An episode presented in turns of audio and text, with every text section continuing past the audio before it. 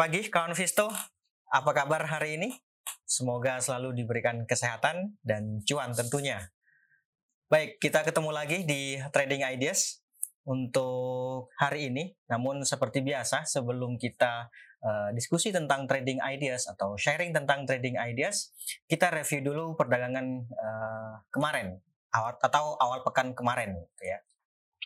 Ya, memang kalau kita lihat pelemahan yang terjadi di perdagangan kemarin di mana berada di level 6076 atau melemah sebanyak 56 poin atau minus 0,9 persen. Memang sih eh, banyak katalis negatif yang terjadi di perdagangan kemarin itu.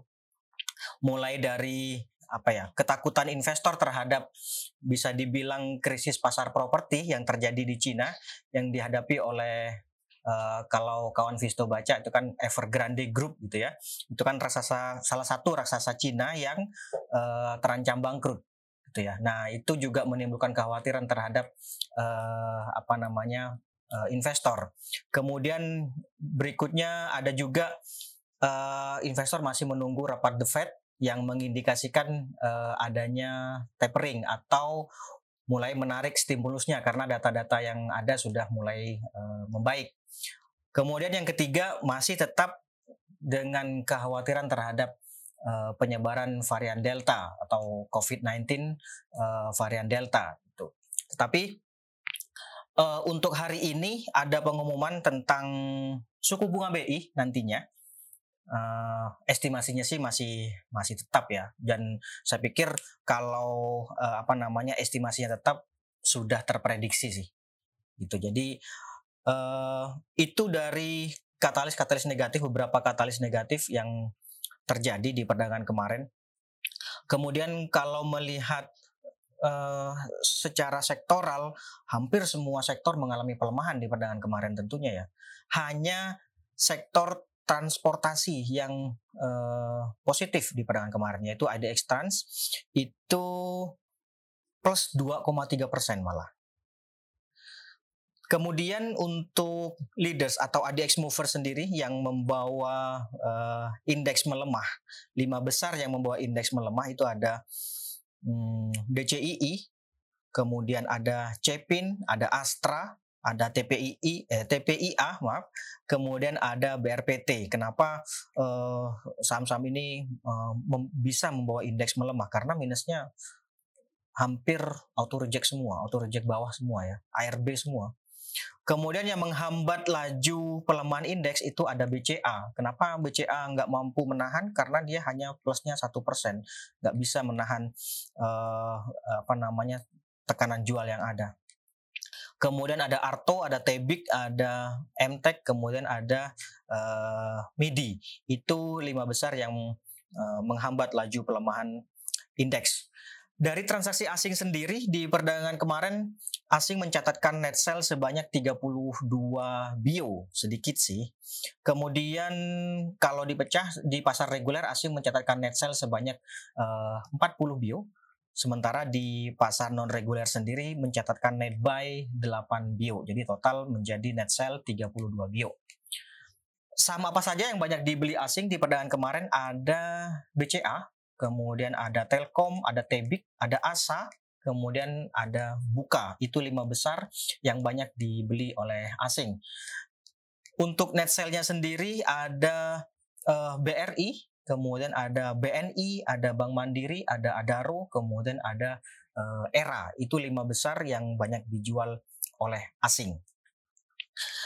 Nah, gitu. Kemudian bagaimana outlook hari ini? Ya, kalau tadi saya sampaikan banyak katalis negatif uh, terhadap indeks, namun coba kita lihat bagaimana gambarnya. Apakah gambarnya mendukung atau tidak? Ya.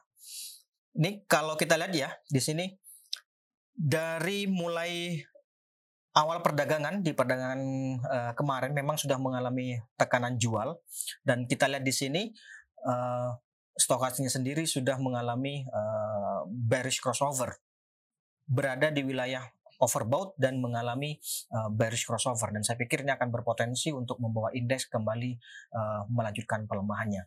Jadi secara gambar terlepas dari katalis negatif yang terjadi, yang jelas secara gambar indeks memang sudah sangat uh, bisa dibilang tinggi atau overbought gitu ya. Dan memang sudah waktunya untuk mengalami uh, koreksi. Padahal sebenarnya kalau kita lihat pergerakan indeks selama beberapa hari terakhir ini ini kan sebenarnya masih mengalami uh, konsolidasi gitu ya. Tetapi yang perlu diperhatikan adalah ini MA 200 ini kan MA 200 ya. Ini MA 200 ini sudah beberapa kali dicoba. Artinya indeks selalu mencoba untuk bertahan di atas uh, MA 200 ini. Tetapi sampai kapan ini ibaratnya semakin sering dia di di di apa dicoba digempur gitu ya. Memang sih semakin kuat tetapi begitu begitu di tapi semakin rintih juga uh, apa ya semakin semakin mengkhawatirkan juga karena terus-terusan digempur gitu ya.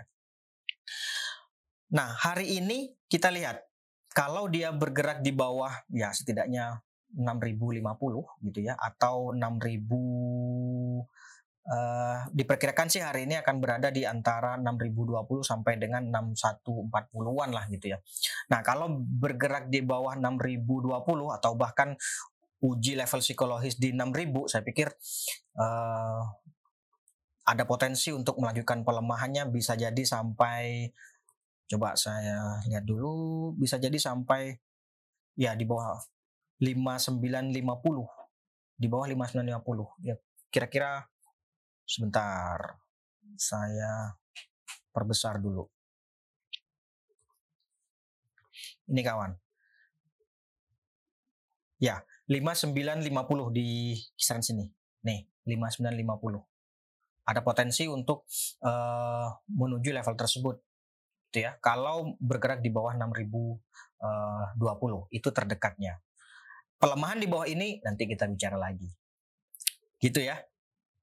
Jadi untuk hari ini diperkirakan indeksnya akan memang sih ada peluang untuk bergerak fluktuatif, tapi kecenderungannya saya pikir uh, masih melemah.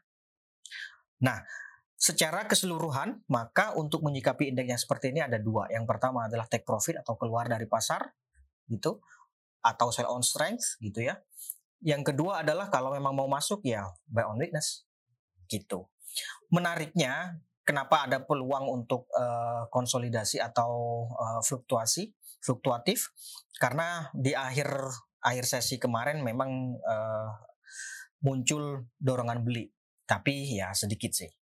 Tapi paling tidak itu berarti lah gitu ya. Ya oke. Okay. kemudian ide trading. Sekarang kita ke ide trading. Kalau ada yang uh, mau sharing-sharing ide trading boleh juga ya, boleh langsung disampaikan. Uh, Pertama ada link.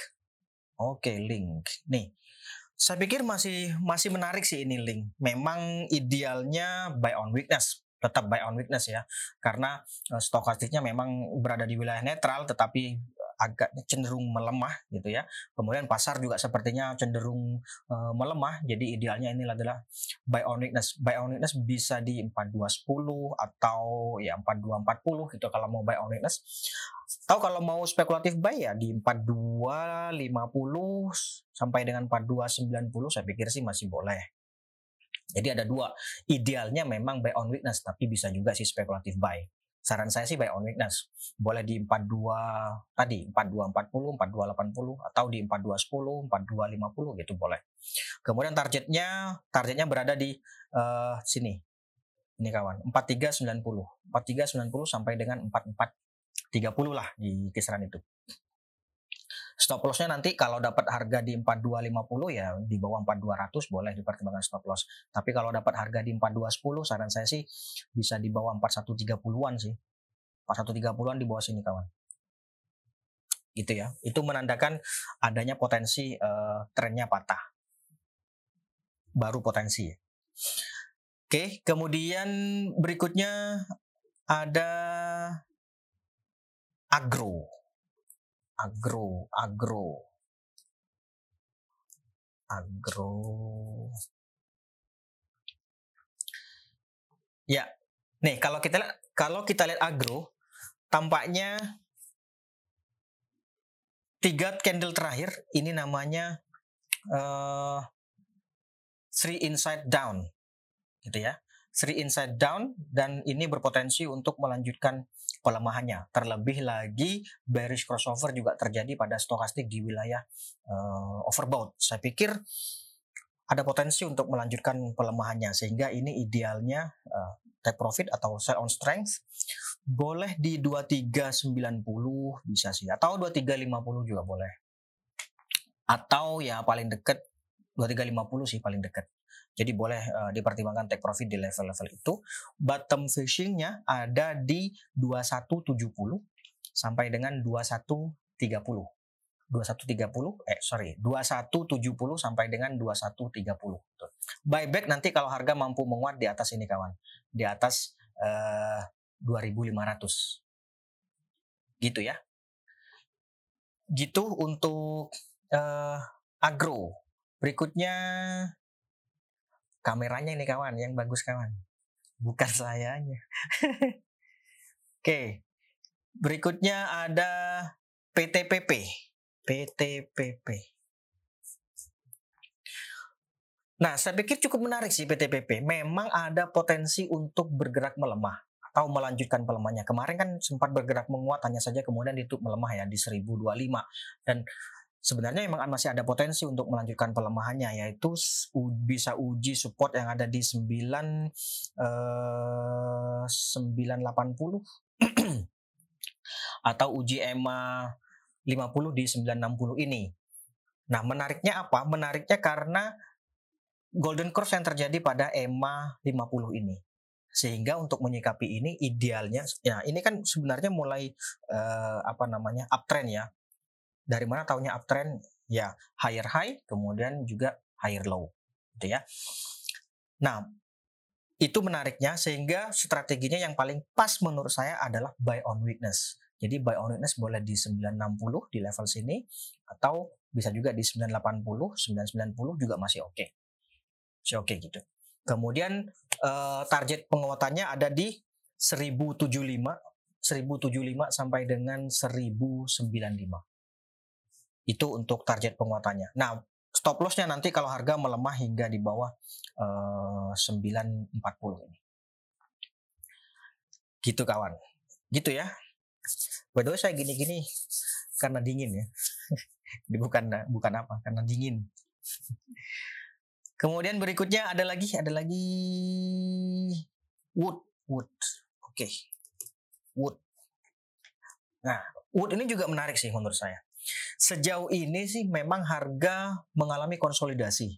Ya, kemarin dia ditutup menguat tipis dan sempat juga sih mencoba untuk melewati support level yang ada di sini nih di 720.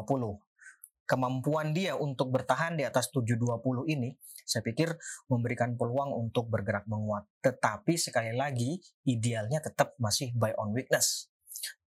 Buy on weakness boleh dipertimbangkan di ya paling dekat sih 720. Di bawahnya saya pikir 705 boleh, 700 juga boleh sih. Gitu. Di kalau 700 di sini kawan, sebentar saya kasih garis saja. 700. Nah, nih di sini boleh. 700, 705 juga oke. Okay. Sampai 720 sih masih oke. Okay. Target penguatannya itu ada di 750. 750 itu di bawahnya ini kawan. Di bawahnya uh, garis yang hijau ini. Itu kemudian di atasnya ada 760. 760 di garis uh, yang biru inilah. Gitu ya. Kemudian nanti stop lossnya di berapa? Stop lossnya nanti di bawah uh, ini 680. Jadi kalau misalnya kalau misalnya dapat harga di 705 atau di 710 gitu, boleh dipertimbangkan untuk stop loss di bawah 680. Gitu kawan. Kemudian ada lagi Astra ya. Astra kemarin mengalami tekanan jual tinggi ya. Nah, ya kalau kita lihat ini, Astra kemarin kan tertekan. Ya. Secara gambar memang tidak mendukung untuk mengalami penguatan. Kenapa? Sampai dengan saat ini, ini dia nih, harga tampaknya masih belum mampu untuk melewati uh, MA 200 dan saya pikir ini berpotensi untuk melanjutkan pelemahannya.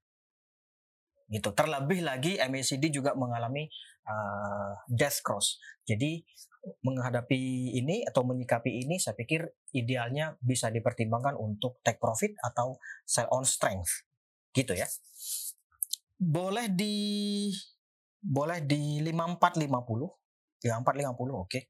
Atau paling dekat ya 3 5350 5350 bisa dipertimbangkan uh, uh, sell on strength di level-level itu atau kalau hari ini misalnya dibukanya bahkan di bawah closing kemarin, ya saya pikir sih boleh juga untuk uh, langsung langsung keluar, gitu ya.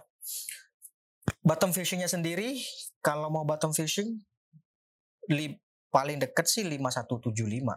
5175 tuh di sini. Jadi misalnya uh, kawan jualan nih, misalnya jualan 5300 atau karena di bawah closing langsung jual 5250 misalnya, karena opennya di bawah closing kemarin langsung jual 5250 misalnya.